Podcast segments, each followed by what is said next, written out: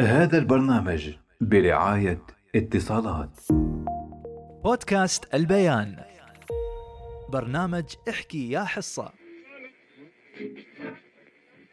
هنا القاهرة لغتنا الجميلة.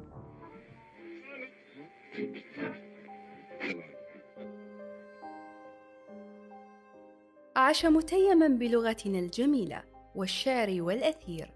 كتب عن لآلئ القلب وكلماته الصافية وحين أراد أن يضع بين يدي قرائه مختارات من ديوان الشعر العربي الطويل الممتد آثر الحب وقصائده الحافلة بالقيم الإنسانية والفنية والحضارية.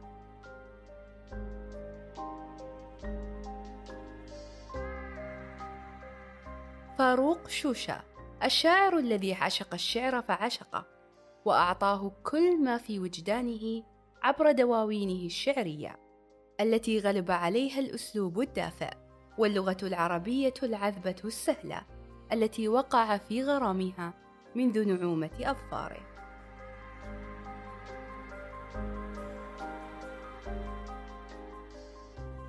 فهو العاشق الأكبر والمدافع الأول عن كل حرف في اللغة العربية.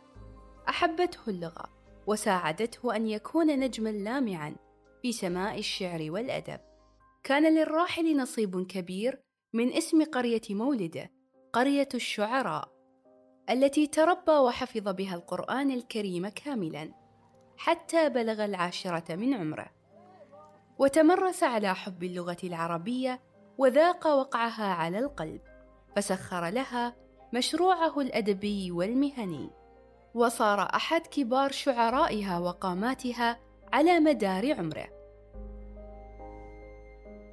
عرفته الجماهير العربية بصوته الإذاعي الرخيم وهو يقول لغتنا الجميلة وكان البرنامج بمثابة الرحلة اليومية في محيطات الشعر العربي.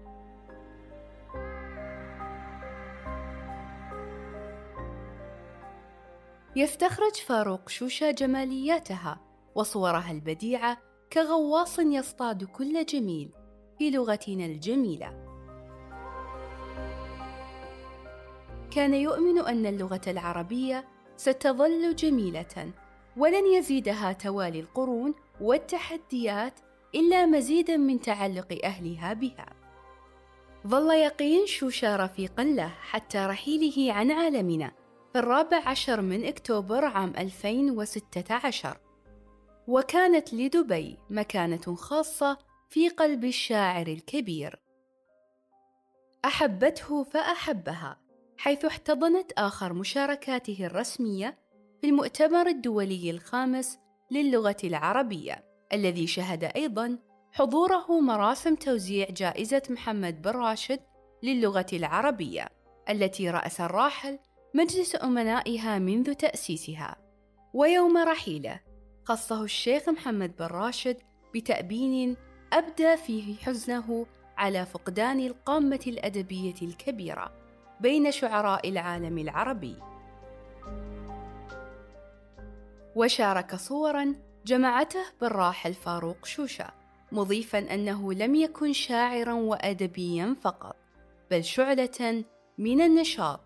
في خدمة لغتنا العربية الجميلة. برنامج احكي يا حصة. إعداد خالد المحمدي. تقديم حصة بن غويفة. هندسة صوتية حسام حوراني. هذا البرنامج برعاية اتصالات.